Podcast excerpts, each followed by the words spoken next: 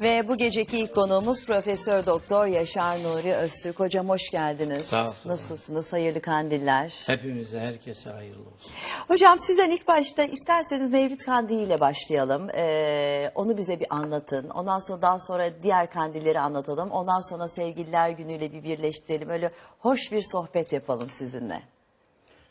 Ya kandil filan biz diyoruz onu yani kandil diye bir şey yok dinin verileri içinde. Bu geleneksel bir kutlamadır. Şöyle doğrusu mevlid tabiri doğru. Peygamberimizin doğum günü. Doğum günü. Tarihi bir gün. Mitoloji değil. Böyle tahmin filan değil. Gerçek bir tarih. 12 Rebiülevvel işte. Orada Hicri takvim o zaman yok, başlamamış tabii. Miladi 570. Peygamberimizin doğum günü. E o bu dine mensup olanların hatta bütün insanlığın öyle muazzez bir insanı doğumunu bir kutlama vesilesi yapar. Biz de doğal olarak yapıyoruz ve bunun için bir de mevlid doğum veya doğum zamanı demek. Bir de bizim tarihimizde muhteşem bir Süleyman Çelebi'nin mevlidi var. Yani o adla anılan bir şiir kitabı var. Onun bir nevi divanı gibi. Tabi teknik manada divan değil ama bütün şiirleri orada. Muhteşem. Tabi biz bunu Peygamberimize sevgiyle Süleyman Çelebi'ye olan sevgimiz birleşmiş. Bunu camiye, mabede kadar sokmuşuz. O doğru değil İslam açısından. Çünkü mabette vahyin getirdiği ibadetler dışında hiçbir şey oraya sokulmaması lazım. Dışarıda kutlarsınız, okursunuz, ihtifaller yaparsınız, merasimler yaparsınız, bestelersiniz. Bugün ben baktım eee, besteli bir koroyla okuyorlardı bir ekranda tesadüf ettim. Bunlar yapılır ama caminin içine keşke sokulmasaydı Mevlid bidayetinden beri. Orası sadece Kur'an'ın getirdiği ibadetlerin icra edildiği yer olsaydı. Ee, ben hala da öyle olmasını beklerim. Dışarıda istediğiniz kadar e, okuyun, anın defalarca şimdi öyle bir hale getirdiler ki işte 40 mevlidi, yok 7 mevlidi, 52 mevlidi, seneyi devriye mevlidi. Bundan Bunlar hiç derse camide yapılmaz mı? camide de yapılmaz. Hiçbir yerde bunların bir ölüye faydası falan filan olmaz. Bunları kendini millet aldatıyor. Aldatır ama biz bunu söylememiz lazım. Camiye hiç sokulmaz. Çünkü cami Kur'an'ın getirdiği ve peygamberimizin nasıl yapılacağını gösterdiği ibadetlerin yeridir. Şimdi iki şey. Din getirmemişse camiye sokamazsın onu mabede. Orası öyle herkesin kafasına göre bir şey uyduracağı yer değil. Kur'an ayetlerinin tablolar, tabelalar halinde camiye asılmasına bile İslam büyük İslam bilginleri karşı çıkmışlardır. Bidat diye sonradan dine sokulmuştur. Böyle bir şey peygamber döneminde yok. Bir de ibadetin şekli de peygamberden görüldüğü gibi olur.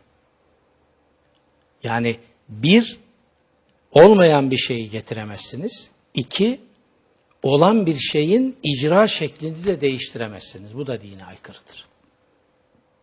Şimdi camide bu manada Müslümanlığı ara ki bulasın. Ne peygamberimizin kıldığı gibi namaz, ne okuduğu gibi Kur'an, ne davrandığı gibi davranış hiçbirisi yok. Dolayısıyla bunlar e, yeri geldiği zaman söyleriz. Tabii hiçbir işe de bunlar yaramaz. Çünkü alışılmışı yıkmak çok zordur. Ve adam bugüne kadar kimsenin aklı ermedi de sen mi aklı evvel oldun der çıkar kenara. Her neyse ama Mevlid Peki öyle diyeceklere ne gibi bir cevabınız var? hiçbir cevabım yok.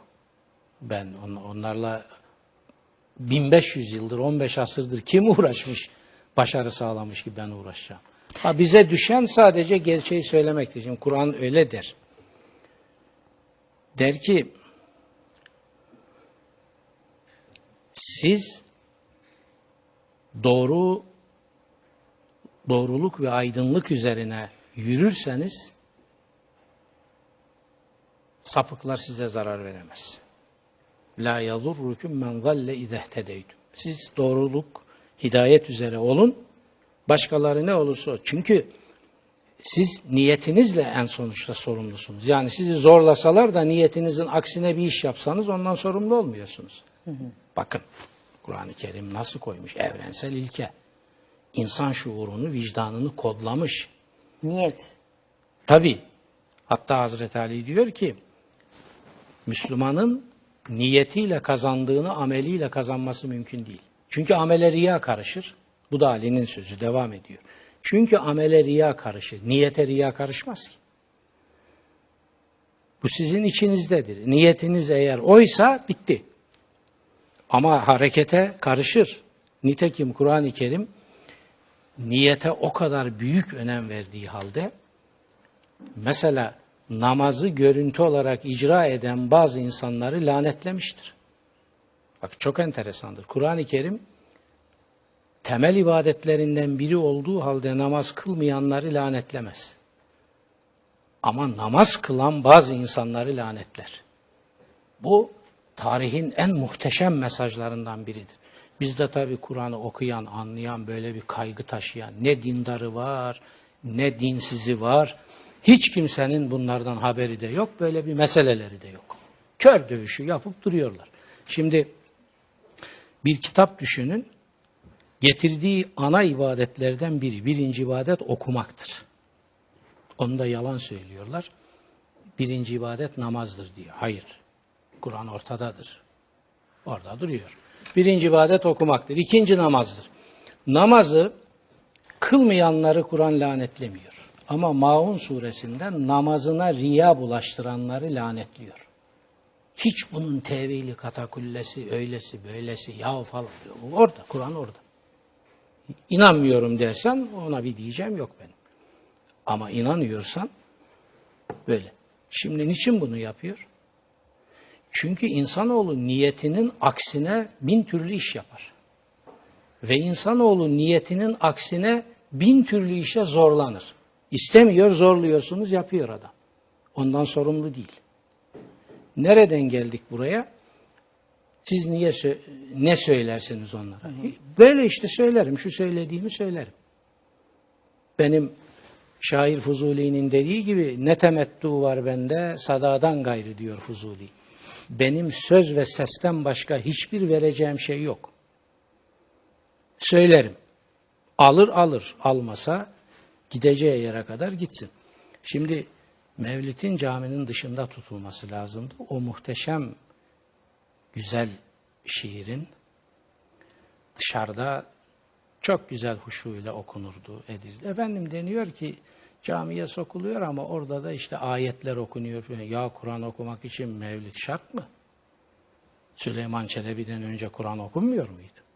Nereden çıkarıyorsunuz bunu? Siz burada iştihat falan yapamazsınız. Peygamberimizin mabedinde bunlar var mı? Yani şiirle ibadet yok. Yoksa yok bitti.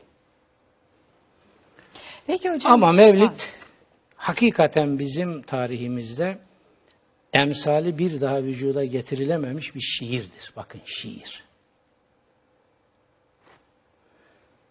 Allah Süleyman Çelebi'nin mekanını cennet etsin. O kadar güzel. Bir aşk, bir duygu, e, kutsala duyulan sevgi bu kadar güzel ifade edilir. Biz onu bir bidata alet etmişsek o bizim hatamızdır. Peki hocam kandillerde nasıl ibadet etmeliyiz? Başka o zaman? kandil yok. Kandilde ibadet diye bir şey yok. Bu tabir yanlış. Bir defa Kur'an-ı Kerim'de kandil diye bir tabir yok. Peygamberimizin doğumu doğumudur onun. Ama Kur'an-ı Kerim bunlarla uğraşmaz. Bunlar kitlelerin adetleridir. Güzel bir adettir. Biz de kutluyoruz. Yani peygamberimiz doğmuş. Bunun için Kur'an-ı Kerim emir mi verecek bize peygamberin doğum gününü kutlayın diye? Buna gerek yok. Bu doğal bir hadisedir ve kutluyoruz. Öbür gecelere gelince Kur'an'da adıyla geçen tek kutsal gece var. Kadir Gecesi. Kadir gecesi. bir sureyle geçer, takdis edilir, tevcil edilir, tamam.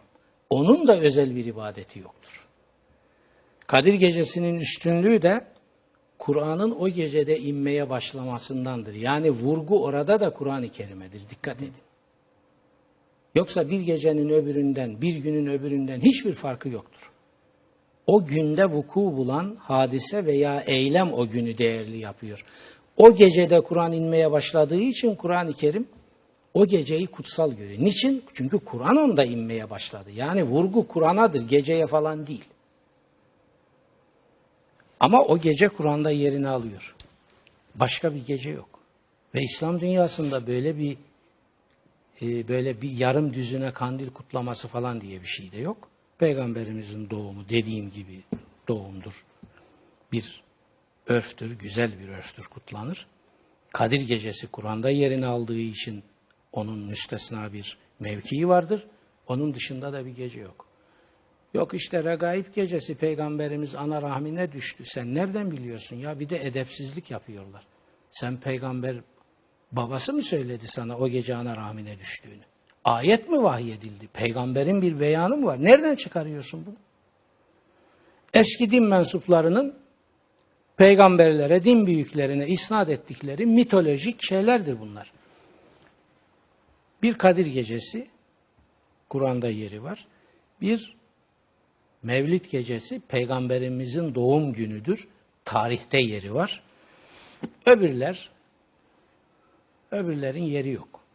Peki hocam şimdi bu e, bugünün yani Mevlid Kandili'nin Sevgililer Günü'yle bir araya gelmesi bizim ülkemize bir takım tartışmaları da tabii ki yol açtı. Yok efendim işte Sevgililer Günü'nü 12 Şubat'a alalım da işte aynı gün kutlanır da kutlanmaz da. Bu sene böyle geldi. Her gün öyle mi geldi? Hayır her gün öyle değil. Bu sene öyle denk geldi. sene öyle geldi. Ne diyorsunuz bu tartışmalarla ilgili? Ne tartışması ya? Bunlar tartışma. Diyanet İşleri Başkanı bugün bana göre noktayı koydu. Evet çok Sordular ve dedi ki ikisinin denk gelmesi dedi güzel bir tesadüf. söyleyeyim ne güzel bir tesadüf. Hep Şimdi birlikte sev- sevgiden şikayetçi olunmaz.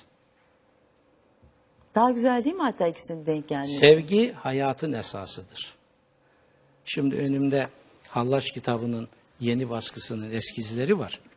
Böyle iki cilt. Hocam siz maşallah Hallaç. devamlı yazıyorsunuz kitap. Ne benim işim o.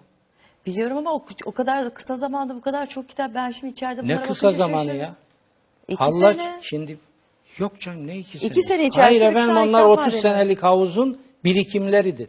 Siz zannediyorsunuz ki biz oturuyoruz böyle bir gece veya bir sabah ben şöyle bir kitap yazayım diye böyle hüdayi kafamıza esiyor oturuyoruz onu yaz böyle bir şey yok. Hocam öyle bir şey Bu bir demedim süreç. zaten biliyorum bir süreç bu, oldu bu bir ama nehir hızlı akıp akıyor gidiyor. sizin Bu süreç nehriniz. bu süreç proses. Şimdi Hocam sizin de hiç fırçalamadan geçen gününüz yok. dur dur dur bir dakika. Hallaç kitabı diyorum değil mi şimdi? Hallaç kitabı bilir misiniz siz? 1970'te ben yazmaya başladım. Öğrenciydim hukuk fakültesinde. Daha iki yıl vardı bitirmeme. 76'da yayınlandı. Ben üniversiteye asistan olarak girmeye çalışıyordum. İlk baskısı odur. İkinci baskısı 20 yıl sonra 96'da o baskı yabancı dillere de tercüme edildi. 400 sayfa oldu. İlki 160 sayfaydı, sonraki 400 sayfa oldu. 20 yıl ama aradan. Havuzda birikmiş. Şimdi 2011'deyiz. 16 sene geçmiş. O baskı şimdi başka dillere de tercüme edildi. Kaç Onlar sayfa olacak? 800. Şimdi ne oldu? Bin, bin küsür sayfa. Puntoyu küçültüyoruz ki çok kabarmasın. Böyle iki cilt. Ama öyle bir hallaç kitabı doğdu ki bakın 40 yıl. Siz şimdi bana diyebilir misiniz? Biri görse ya bu hallaç kitabı ya bunu iki seneden bir sene ne 40 yıl. Böyle çalışıyoruz biz. Şimdi mesela önünüzde Allah ile aldatmak var. Dincilik var. Son kitabım çıkan. Son kitap evet. Şimdi dincilik kitabını ne kadar zamanda yazdınız? Bunlar tabii sokak lafları. O dok, dok estağfurullah sana değil. Ben Doktorun- sormadım hiç üstüme alınmıyorum Tabii, valla. doktorun üstüne alma. Doktorun birine hani demiş ya adam muayene olmuş işte bakmış neyse dinlemiş etmiş aç ağzını yum gözünü 50 lira paranın para zamanı. Ya doktor insaf demiş ya. Beş dakika ya. Beş dakika. 50 lira ne deme benim maaşım. Beş dakika değil kardeşim demiş. 40 yıl artı beş dakika. Yani. Şimdi biz bu kitabı ben yazdım dediğimiz zaman millet o beş dakikasına bakıyor. Arkasındaki 40 yılı düşünen yok. Ya bu bir havuz. Şimdi benim ana havuz dediğim havuz 15 bin, 16 bin sayfayı, 80-90 dosya. Oradan böyle iyice yani nehirde bendi zorlayan, dışarı taşanları yayınlıyoruz. Onun adı dincilik oluyor, Allah ile aldatmak oluyor, İmam-ı Azam oluyor. Oluyor da oluyor. Ee, ama o demek değil ki biz bunu geçen çıkan kitabımla bu çıkan kitabım arasındaki zamana bakıyor adam. Aa diyor bir buçuk senede ya maşallah diyor ya. Ne bir buçuk senesi ya? Tabii ki biz bunu söylerken sizin birikimlerinizi göz ardı ediyoruz demek değil Hayır mi hayır göz ardı etmiyor. O da etmiyor göz ardı. Yani işin yapısını, yöntemini bilmediği için öyle zannediyor. Nerede o günler? Yani bu kadar e, biz daktiloyla anamız dinimiz ağlıyordu. Daktilo, daktiloyla çalışmak Doğru, ne demek? Bugün zamanında. bilgisayar imkanlarını düşünün. Ki ben bilgisayarı daktilo gibi kullanan bir adamım. Birçok şeyini bilmem. Ama o daktilo gibi kullanmanın bile sağladığı imkan. Doğru. Yani sonra bizim başka işimiz yok ki. Gece hayatı yok. Bir spor var. Biraz deniz var. Spor ne yapıyorsunuz hocam? Ya ben profesyonel spor 24 sene judo yaptım. O ayrı. Ama şimdi ne yapıyorum? Şimdi koşu yapıyorum. Deniz, at biniyorum. At mı biniyorsunuz? Ne kadardır? Tabii. He? Ne kadardır? Epey var. Yalnız geçenlerde bir ürktü ormanda motor sesinden, hızar sesinden parmağımı kırdım. Nasıl kırdınız? Düştünüz mü düşmediniz? Düştüm bereket ki boynuna sarılarak yere indim yani tam düşmedim. Öyle bir şahlandı ki, Aa geçmiş olsun. Öyle bir şahlandı ki eğer öyle 2 metre 10 santim İngiliz atı. Siz onun üstünden öyle o çuval mı? gibi yere düşersen ne o hurda huş olursunuz ya. Tabii hocam. Mermi gibi fırladı çünkü. Boynuna sarılarak bir süre ondan sonra böyle yarı yere inme, yarı düşme. Sonra hemen bindiniz mi tekrar üstüne? Evet. Öyle derler. Çünkü düşmanlık girer araya. Evet. Atı çağırdık, bir de güzel bir havuç verdik. Ondan sonra bir 20 dakika daha bindim. Zaten bitirmiştim, gidiyordum. Ha, Şöyle biraz daha gitmediniz. dedim, hava çok güzel, güneşleniyorum de. Hem az daha dedim filan derken bir hızar sesi görmediği yerden at. Gördüğü şeyden korkmaz. Önünden ona siz top atın, umurunda değil. Ama arkadan bir değnek sesi Ürktü tabii. atı Haftada kaç at biniyorsunuz? Ya o zamana bağlı. Yani Ha. üç gün, iki gün, dört gün, beş gün, bir gün, on günde bir ne bileyim ben. Öyle Ben araziye mi profesyonel çıkıyorsunuz? değilim. Araziye de çıkıyorum. Manejde de biniyorum. Engel atlama falan? Yok o kadar. Öyle değil. Neyse oradan hadi. Gerçi bizim Ömer Hoca biraz ufak ufak koyuyordu sırıkları. Ya biraz da benim neme lazım engel atlam. Ben o atla beraber olmak yetiyor bana. Ama dört nal yapıyoruz tabii. Fakat tabii Ömer Hoca'ya ben fren koydum. Dedim ki ya hocam sen buraya sokma beni. Ya adam alışmış çünkü binici yetiştiriyor. Benim neme lazım? Ben atla beraber olayım, terleyeyim, koşayım. Onun nefes alışverişi, o beraberlik yetiyor bana. Hocam çok mesaj var tabii ki izleyicilerimizden. Şimdi kısa bir reklam arası vereceğiz. O sırada ben o mesajlardan bazılarını yayına seçeceğim. Yayına dönünce size ileteceğim. Tamam olur. Profesör Doktor Yaşar Nuri Öztürk'le sohbetimize devam ediyoruz. Hocam çok soru geliyor dedim az önce de size reklama geçmeden önce. Şimdi herkesin kafasında hep e, kurcalayan bir soru var. Der ki izleyicilerimizden birisi, Kur'an'ı okumak illaki Arapça okumak için illaki Arapça mı öğrenmek gerekiyor? Hani Türkçe meallerinde okusak e, aynı yere geçiyor mu? Bu bunu mesela dualar için de aynı şey söz konusu biliyorsunuz. Hep aynı soru sorulur yani Arapça mı okumak lazım, Türkçe mi okumak lazım, nedir diye. Ne dersiniz? Baklayı çıkarttıracaksın bana ağzımdan. O Osmanlı sakin sakin Osmanlı çıkarın. müderrisesinin e, Muhyiddin asistanına dediği gibi çıkar oğlum Mehmet ağzından baklayı demiş. Gene çıkarttıracaksın bana. Çıkar 30 ama senedir sakin. söylüyoruz. Şimdi bakın bunu soran bir milletin Kur'an'dan zerre kadar nasibi olmadığı kendi dilleriyle itiraf ediliyor. Demek ki hiç Kur'an okumamışlar. Hiçbir şey Kur'an'dan bilmiyorlar. Ya ben bunun böyle olduğunu biliyorum da onların bu itirafı güzel. Kur'an kendisinin nasıl okunacağını anlatmıştır. Ne demiştir? Bize bırakmamıştır. Beni ne dediğimi anlayarak okuyacaksın. Tedebbür diyor buna Arapçası Kur'an'da böyle. Ne dediğini anlamadan mesela namaz kılanları Kur'an-ı Kerim söyleyeyim mi ne yapmıştır?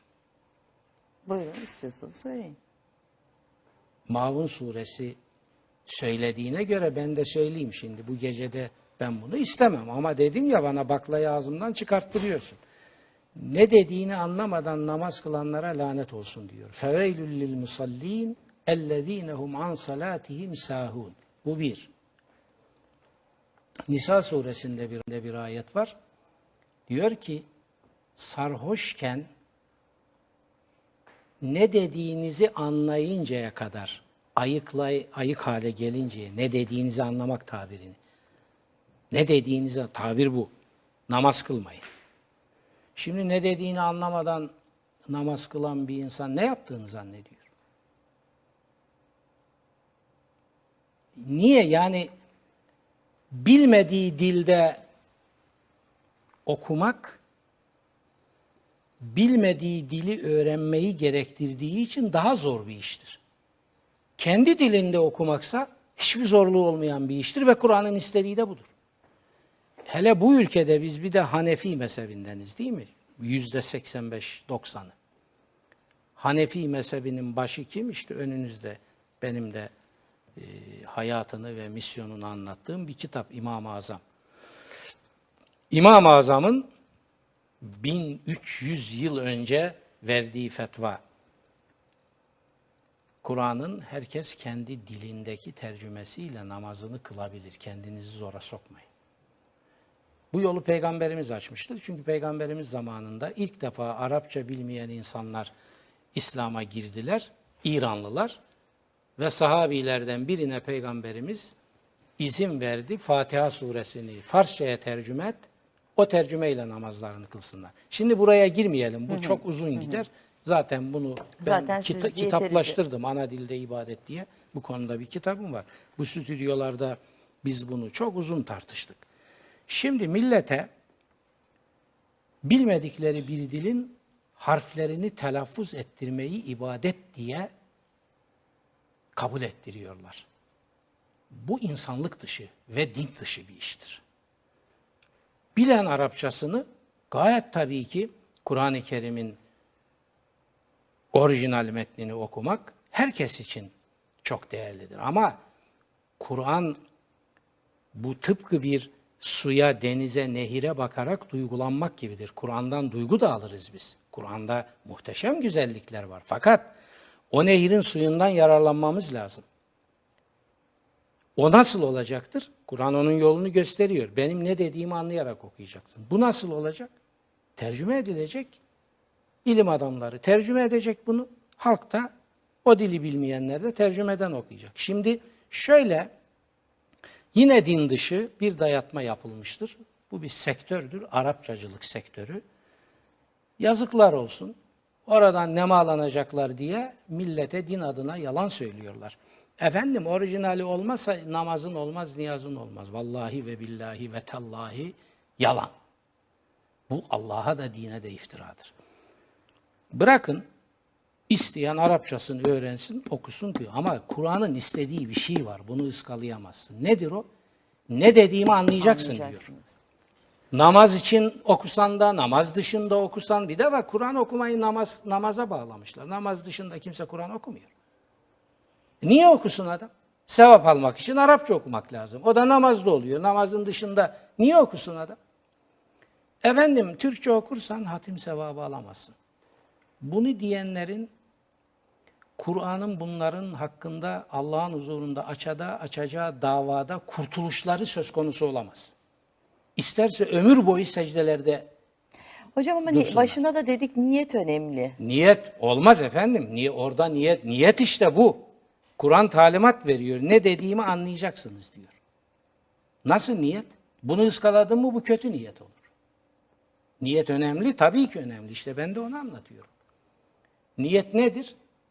Niyet Kur'an'ı anlamaktır. Olmalıdır. Kur'an'ı anlamayı çeşitli bahanelerle dışlarsanız bu kötü niyet olur. Bırakın Arapça okuyan okusun. Ama siz Kur'an-ı Kerim'de bu dinin mensuplarına bu kitapta neler olduğunu, ya en azından bu kitabın nelerle meşgul olduğunu, bu kitaba inanan insan, insanların din, dünya, insan, hayat hakkında neleri sorması gerektiğini en azından o kitaptan çıkaracaklar. E bin yıldır siz bunu buna okutmamışsınız. Orada fetva veriyor adam. Türkçe okursan hatim sevabı alamazsın. E yalan diyorsan Allah seni süründürsün. Esas anladığı dilde okuyan sevap alır. Öbürü de alır. Bırak o da alsın, o da alsın. Ne oldu bu sefer? Kelimeleri telaffuz et, sevap al. Peki içinde ne var bunun? 604 sayfa Kur'an-ı Kerim. Ne var bunun içinde? Onu bize bırak diyor. Biz ne dersek o var. Bakın. Hesap bu. Biz ne dersek o var. Vatandaş buna hala talim ediyorsa demin de söyledim bizim yapacağımız bir şey yok. Yani sonuçta hani uzun lafın kısası herkes bildiği dilden okumalıdır, anlamalıdır En diyorsunuz. makbulü odur. En makbulü Ha odur. bilmediği dilden okursa, ibadetini yaparsa kıyamet mi kopar? Kopmaz. Fakat lütfen millete yalan söylemeyelim. En makbul hatim bildiğiniz dilde okumanızdır. En makbul ibadet bildiğiniz dille yapmanızdır. Diyor ki, geri zekalı mısın diyor. Git Arapçayı da öğren. Ya geri zekalı sensin. Altı buçuk milyar insan var dünyada. Kur'an bunların tümüne hitap ediyor mu? Ediyor. Evrensel bir kitap. Bütün insanlara hitap ediyor. Şimdi söyler misin sen bana? Bütün insanlık Arapça öğreninceye kadar Kur'an'ın mesajından nasipsiz mi kalacak? İsteyen öğrenir, istemeyen öğrenmez. Kendi dilinde bildiği Ama siz okur. yapın yani eski hocaya da Kur'an-ı Kerim tercüme edilmiş. Tercüme edilmediği hiçbir dil yok. Ama Türkiye'de bu dine bin yıl hizmet etmiş bir ecdadın çocuklarına kendi dillerinde Kur'an'ı okutmuyorlar kardeşim. Bir sektör kurmuşlar. Arap harflerini talim sektörü. Kur'an'ı paravan yapıyor orada ve milleti cahil bırakmak için bunu araç olarak kullanıyor. Ya Arapça öğrenen öğrensin. Ben Arapça öğrenmeme engel mi oldu? Ben bu kanaatteyim. Sonuçta evet dediğiniz gibi kim hangisi daha makbul diyeydi soru. Siz onu diyorsunuz ki bildiğiniz dilde okunması daha makbuldür. Peki hocam birazcık Yalnız şey makbulün ötesinde bakın ben asla hatır için mesajı yarım bırakmam. Makbulün ötesinde Kur'an-ı Kerim'in açık ta- ta- talimatı var. Beni tedebbür için okuyacaksınız diyor. Bu Kur'an'ın kullandığı tabirdir defalarca. Tedebbür ne demek? Okuduğunun manasını anlamak. Bir şey daha. Emaniye teslim olmayın diyor Kur'an. Ümniyenin çoğulu. Bu da çok geçer Kur'an'da. Emani ne demek biliyor musunuz? Veya ümniye. Ne dediğini anlamadan okumak. Ve Kur'an diyor ki ümniye şeytana teslim olma sonucunu getirir. Ya nasıl desin daha? Bir kitap nasıl hitap etsin? Şimdi ümniye pazarcılığı yapanlar, tezgahtarlığı yapanlar, ümniyeye niye teslim ediyorsunuz? Ne dediğini anlasın insanlar. Hiçbir tercüme Kur'an-ı Kerim değildir. Ki Her tercüme Kur'an'ın tercümesidir. Tercümesidir. Ama müsaade edin de Müslümanlar alsın, okusun, açsın, okusunlar. Yani Kur'an-ı Kerim'in Türkçesini de okuyabilirsiniz. O da size sevap sevap kazandırır. Ne demek ya? Dini göreviniz ve ilk namazdan daha önemli ibadettir. Kur'an kendisini okumakla namazı karşılaştırmıştır. Ankebut suresi 45. ayet. Bak veriyorum.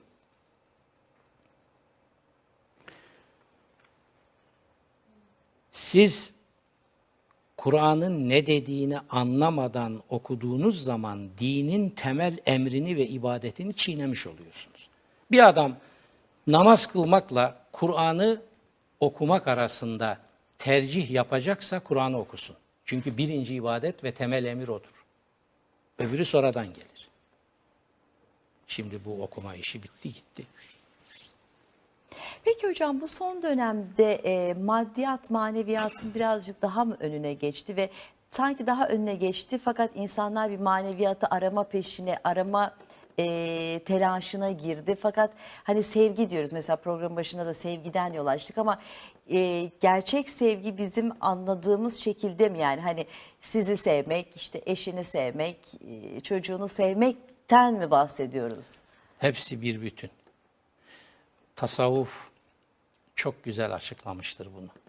Şimdi tarikat hokkabazlığı tabi sevgi düşmanlığı yaptığı için kendine de insana da ihanet içinde.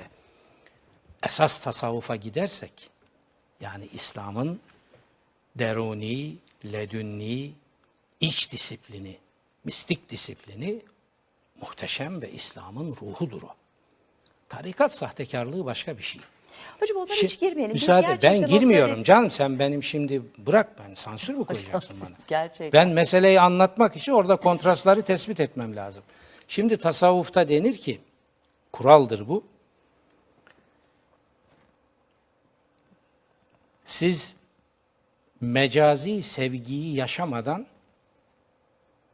hakiki sevgiye yani mecazi aşkı yaşamadan hakiki aşka ulaşamazsınız. Hakiki aşk nedir? Yaratıcıya aşık olmak veya yaratıcıyı sevmek. Aşık olmak tabiri biraz yanlış anlamaya e, sebep oluyor. Tarih boyunca da olmuştur. Hakiki sevgi diyelim.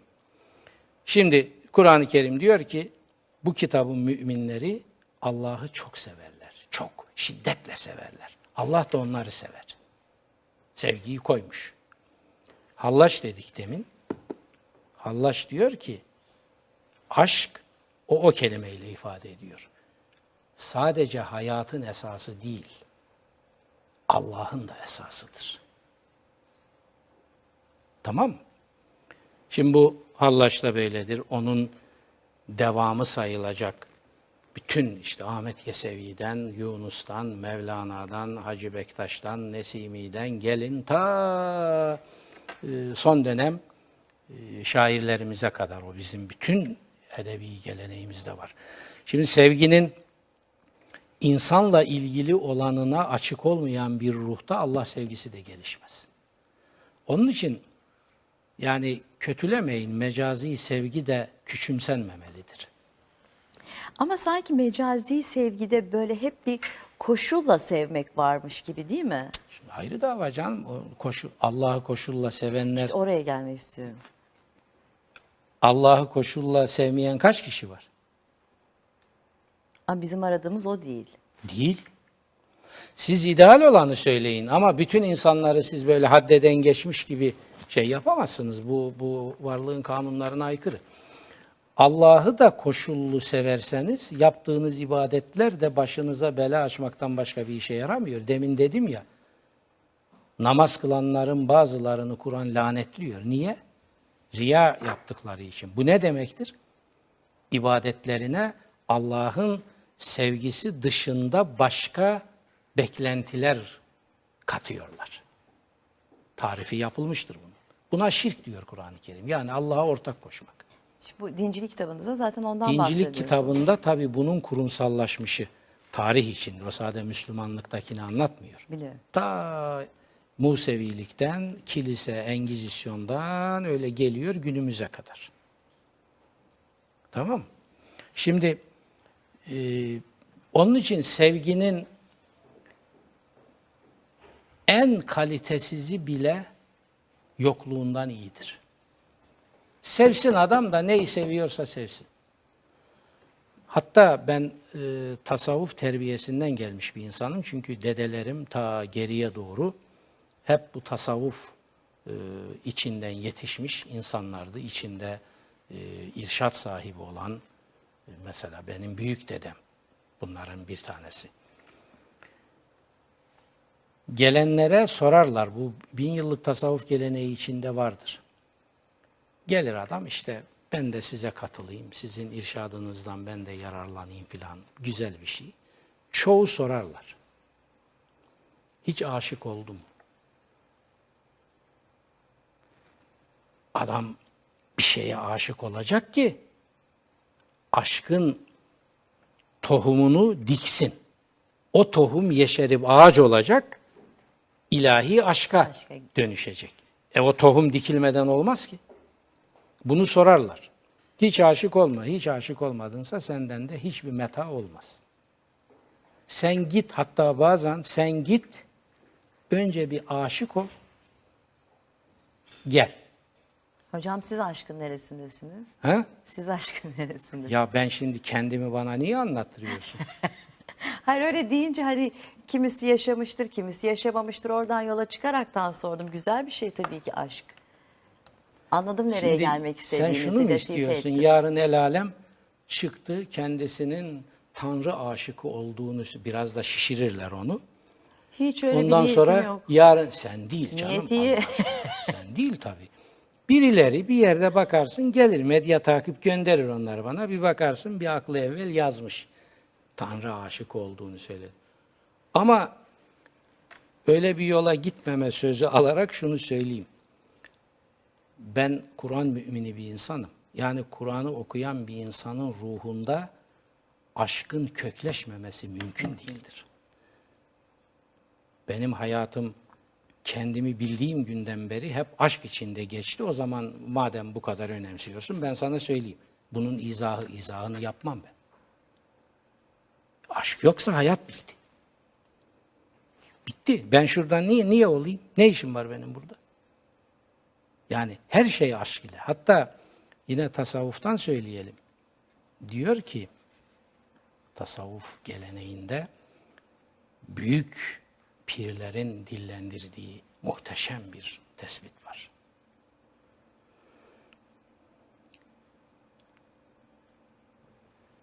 Aşka bağlı olmayan ibadetlerden aşk içinde işlenmiş günahlar evladır. Daha iyidir.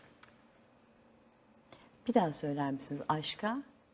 Aşk içinde yapılmamış ibadettense aşk içinde işlenmiş günahları tercih edin diyor. Bu tasavvufta bir ilkedir bu. Niçin? Çünkü adam aşk enerjisi, zemini, tohumu içinde varsa bir günah işler, iki günah işler fakat ondan sonra öyle bir sıçrama yapar ki sizin 50 senelik ibadetinizi bilmem neyiniz hepini, hepsini aşar geçer iki günde, üç günde. Ama o aşk yoksa zemin, o, o zemin yoksa orada, o zaman çorak bir arazide yıllarca tohum ek oraya. Hepsini karıncalar yer, hepsi tükenir, hepsi çürür, kurur, hiçbir işe yaramaz. Ama zemin var, Ekilen tohumu bitirecek zemin var, yeşertecek, büyütecek zemin var. Bir kere yanlış bir tohum ektin oraya, yarın bir doğru tohum ektiğin zaman alır başını gider. Yani büyük sufiler, demin tekrar ediyorum tarikat hokkabazları değil. Büyük sufiler gerçek Allah adamları. Gerçek muvahhid insanlar, gerçek Muhammedi ruhlu büyük insanlar onun için aşkı önemsemişlerdir. Şimdi bir örnek vereyim de suyu baştan keseyim.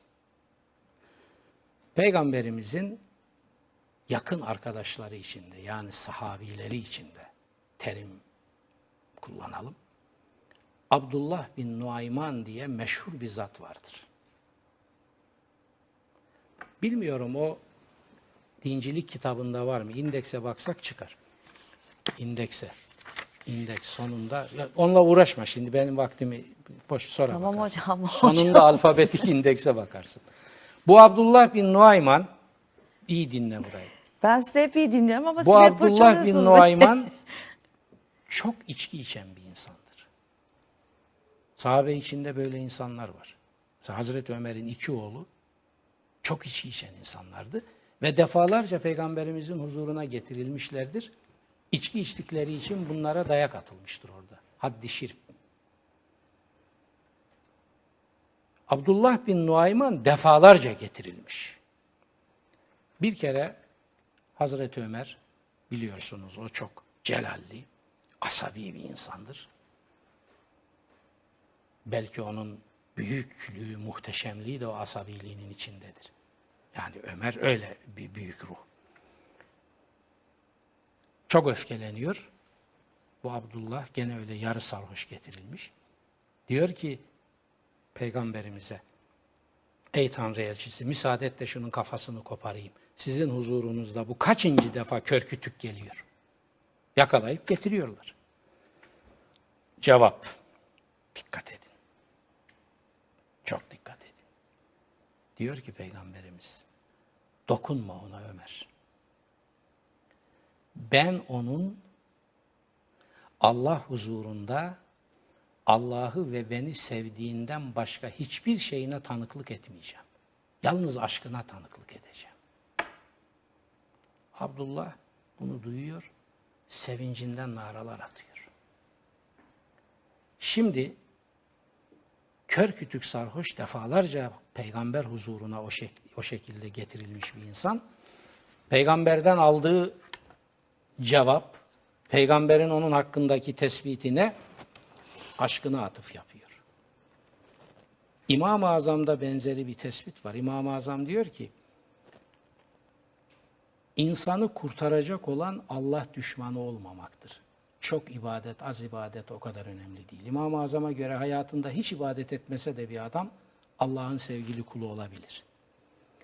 Çok ibadet ettiği halde Allah düşmanı olabilir bir adam. İmam-ı Azam. Çok eleştirilmiştir. Hatta bunun için İmam-ı Azam'ı namazsız, niyazsız bir din icat etmek istiyor diye eleştirmişlerdir İmam-ı Azam. Fakat İmam-ı Azam'ın bir adım daha ileri götürdüğünü görüyoruz. iş. İmam-ı Azam diyor ki, hiç ibadetiniz olmasa da imanınızda sabitseniz Allah sizi kucaklar. Yalnız bir şeye dikkat edeceksiniz. Zalimlere ve zulme destek olmayacaksınız. Karşı çıkacaksınız. O tabi bir sosyolojik manada bir devrimci mesaj getiriyor orada. Ee, diyor ki ibadetiniz olmazsa Allah sizden vazgeçmez. Ama toplumu kasıp kavuran, sömüren, inim inim inleten, çalıp çırpan, zalim, despot, hak tanımaz, hukuk tanımaz adamlara açık veya örtülü destek verirseniz bu sizi mahveder ve Allah düşmanı yapar. Hocam siyasette tekrar girmeyi düşünüyor musunuz? Ya boş ver şimdi siyaset. Görüyorsunuz çamur deryasına dönmüş.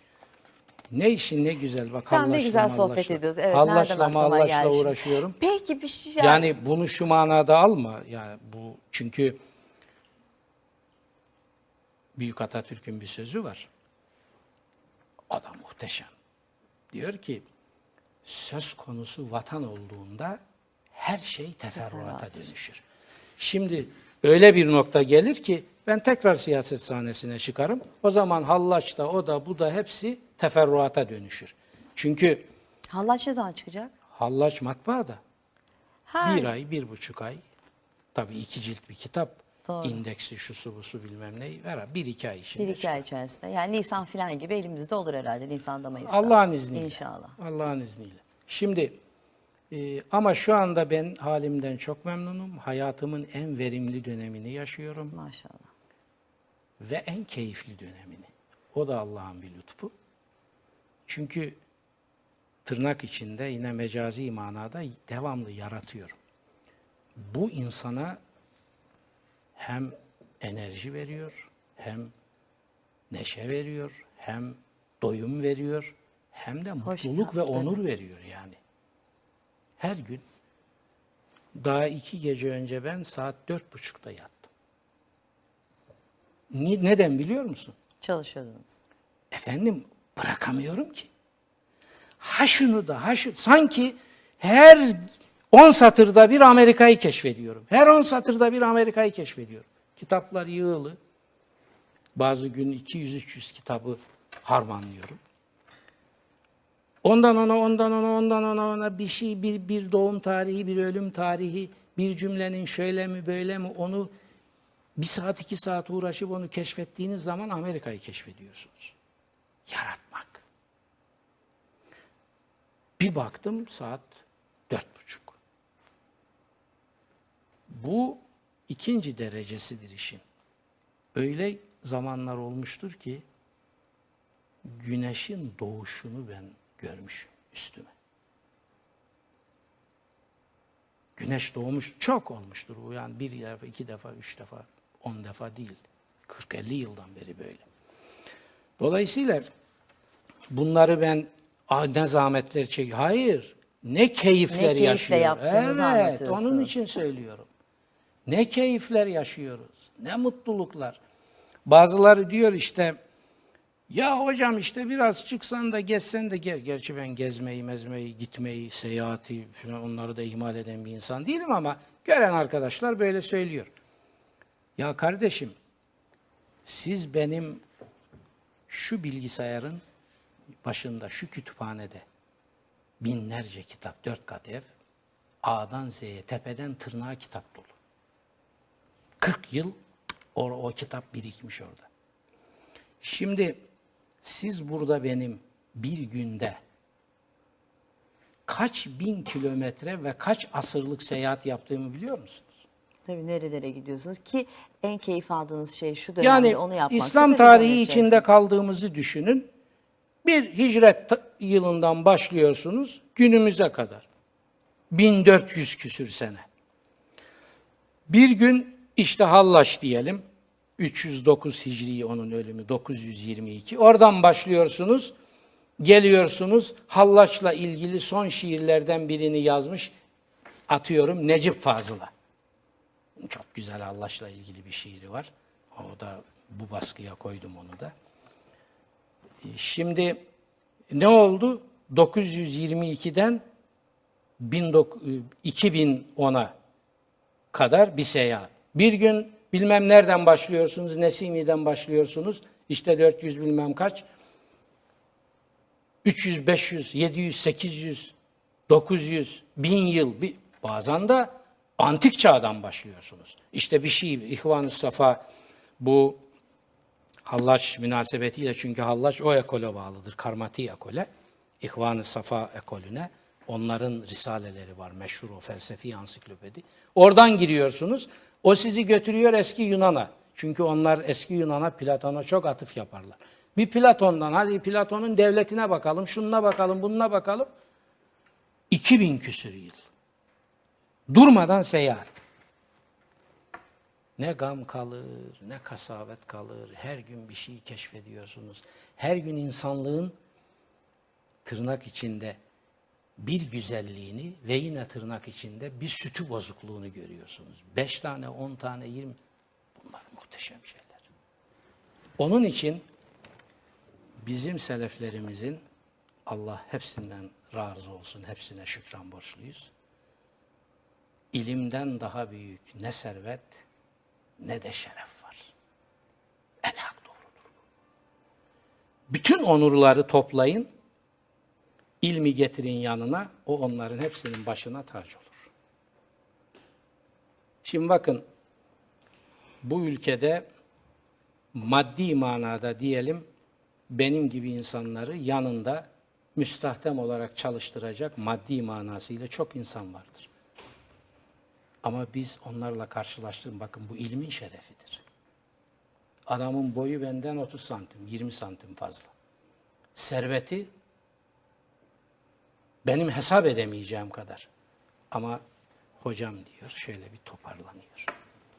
Bu neyin karşılığıdır?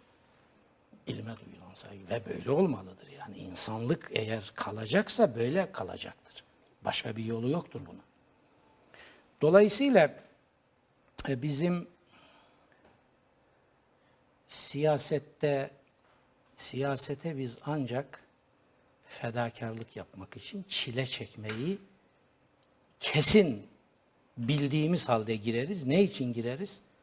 Yine Büyük Atatürk'ün o ölümsüz sözü her şey teferruata dönüşür. Çünkü yaşadığınız ülke sizin ananızın sizi yaşattığı, büyüttüğü beşik gibidir. O sizin ruhunuzun, şerefinizin, kimliğinizin, imanınızın yuvasıdır. Oraya saygı duyacaksınız. O tehlikeye girdi mi? Tabii ki ama şu dönemde Öyle bir hizmet olursa olur. Biz bu hizmeti biz bu hizmeti ki- vermek üzere çıktık. Madem açtın iki cümle daha söyleyeyim. Beş yıl milletvekilliği yaptık. Orada baktık ki bizim hayal ettiğimiz şeyler bu partilerde yok. O zaman idealimizdekini gerçekleştirmek üzere yola çıktık. Ankara'da bir çay bahçesinde 9 kişiyle bir sandalye bir oda bile yok. Bir çay bahçesinde 9 kişiyle başlattığımız siyaset yolculuğu 10 buçuk ay sonra 85 seçim bölgesinde full listeyle seçime giren bir parti yarattı. Biz yaptık bunu. Ya ve bir benzeri yok. Bizim siyaset tarihimizde bunun bir benzeri yok. Para yok, pul yok, yer yok, mekan yok, destek yok. Milletin bu işe gönül verenlerin desteği 10 buçuk ayda 76 ilde bir parti teşkilatlanır ve o yıl yapılan bir seçime 85 seçim bölgesinden tam liste girer ilk defa. Biz bunları yaptık. Ama millet ne dedi bize? Hazreti Lut'a ümmetinin dediğini dedi. Siz çok dürüstsünüz, aşırı dürüstsünüz. Bu bizi rahatsız ediyor. Yalan söylemiyorsunuz. Haram yemiyorsunuz. Bir, bir gazeteci yazmıştı o zaman köşe yazar. Hocam her şeyin bir zamanlaması var. Belki de bu kitapların çıkması gerekiyordu. Belki daha daha Amenna. verimli şeyler yapmanız Evet gerekiyordu. çok doğru söylüyorsunuz. Onun için de bu Yalnız şekilde oldu. şu da doğru. Ben bunlar oldu diye zerre kadar pişman değilim. Çok mutluyum. Kimse bana hariçten gazel okuyorsun diyemez. Diyorlardı ki ya sen hukukçu bir adamsın. Felsefe profesörüsün. İlahiyatı dünyada en iyi bilen adamlardan birisin. Mu- Muhteşem bir hatipsin. Sağlığın yerinde, cerbezen yerinde, hitabetin muhteşem. Sen niye memlekete hizmet için siyasete girmiyorsun? Senelerce girmedim. Ecevit gibi bir insan bana bunu getirdi bu teklifi. Rahşan Hanım'la bak Rahşan Hanım yaşıyor. Nasıl bir ısrarla? 1999'da. Ve bana siyaset, sizin de siyaset yapmak benim hayatımın en onurlu şeylerinden biri olacaktır. Allah rahmet etsin. Eşi de orada. Ben onunla hayatımın en büyük hatası. Hayatımın en büyük hatası. Ben onunla girmedim. Niye girmedim? Ben siyaset efendim yapmayacağım. Size saygım çok büyük. Onu biliyordu zaten kendi. Yapmayacağım. Ben kulvarımı seçmişim. Burada gideceğim. Sonra 11 Eylül'de Sabah Hanım New York'ta kuleler vurulunca ben o dünyayı da bilen, orada üniversite hocalığı yapmış bir insan olarak orayı da biliyordum. Anladım ki artık Orta Doğu'da siyasetler İslam üzerinden oynanacak. İşte BOP projesi arkasından geldi. Ve dedim ki, yo şimdi siyaset dışında kalamayız. Bizim İslam'ı bilmemiz, şimdi işe yarayacak ülkemiz ve Müslüman camia, din kardeşlerimiz için girelim bu işe. Allah getirdi Deniz Baykal'la beni siyasete soktu. Ne yapayım? Yani Recep Bey benim çok sevdiğim bir insandı. Hakikaten böyle idealize ettiğim bir insandı. Fakat o günlerde Recep Bey ve ekibinin dışarıya bir teslimiyet deklarasyonu. Şimdi onların ayrıntısına girmiyorum. O beni ürküttü yoksa ben Recep Bey'in yanında yer alırdım. Deniz Bey'in gittik yanına dedik ki bunlar dışarı teslimiyetleri yok.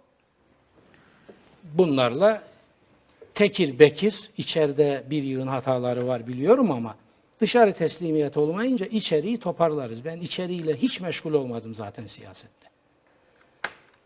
Girdik fakat adam bize öyle bir oyun oynadı. Öyle bir aldattı bizi. Ne içerisi varmış adamın, ne dışarısı varmış. İşte geldikleri yer ortada. Fakat ben bunu yapmasaydım bu benim kambur gibi sırtımda duracaktı. Hariçten gazel okuyor Yaşar Nuri. Hariçten gazel okuyor. Sen hiç millet meclisinin önünden geçtin mi? Geçmedim. O zaman konuşma. oldunuz, görmüş Aa geldi, oldunuz. geldim içinde. Beş sene çalıştım. Bir de parti kurdum. O parti meclis borduna da yazıldı. Orada genel başkan sıfatıyla sekiz defa o kürsüde konuştum meclis kürsüsünde ben. Tamam mı? Yaptık bunları. E millet bana ne dedi? E Amerika sana iyi bakmıyor. El hak bakmıyor. Peki, sermaye çevreleri de iyi bakmıyor. El hak bakmıyor. Ben kapitalizme karşı bir insanım. Servete filan karşı değilim de kapitalizme karşıyım. Başka şeyler bunlar. Çünkü ben o terbiyeden geliyorum. Felsefede de o terbiyeden geliyorum. Dinde de o terbiyeden geliyorum. Hukukta da. E o zaman iki bu. Üç, sen yalan söylemiyorsun, söyleyemiyorsun. Yok, söyleyemem. Dört, yemiyorsun, yedirmiyorsun. Bir köşe yazarı demin dedim, oraya getireyim şimdi. Yazmıştı. Yaşar Nuri'nin siyasette başarılı olması mümkün değil. Niye? El cevap. Yanılmıyorsam Ahmet Turan Alkan. Ya sevdiğim, saydığım bir insan. Çünkü yemez yedirmez. Adam biliyor ki bu devletin başına da gelse kimseye bir çay içirmez. Ben Maun suresi tutkunu bir insanım, takip ederim. Hakikaten öyle. Yani ben kamunun malından babam gelse bir çay içmesine izin vermem. Hakkı olacak. E şimdi ne oldu millet bize ne dedi? Bana ve arkadaşlarıma inneküm ünasun yetetahharun ehricu bu Kur'an'ın bir ayetidir. Hazreti Lut'a kavmi öyle diyor. Bunları sürün çıkarın topraklarımızdan. Gerekçe bu okuduğum ayet. Çünkü bunlar aşırı dürüst, aşırı temiz. Bakar mısınız suça?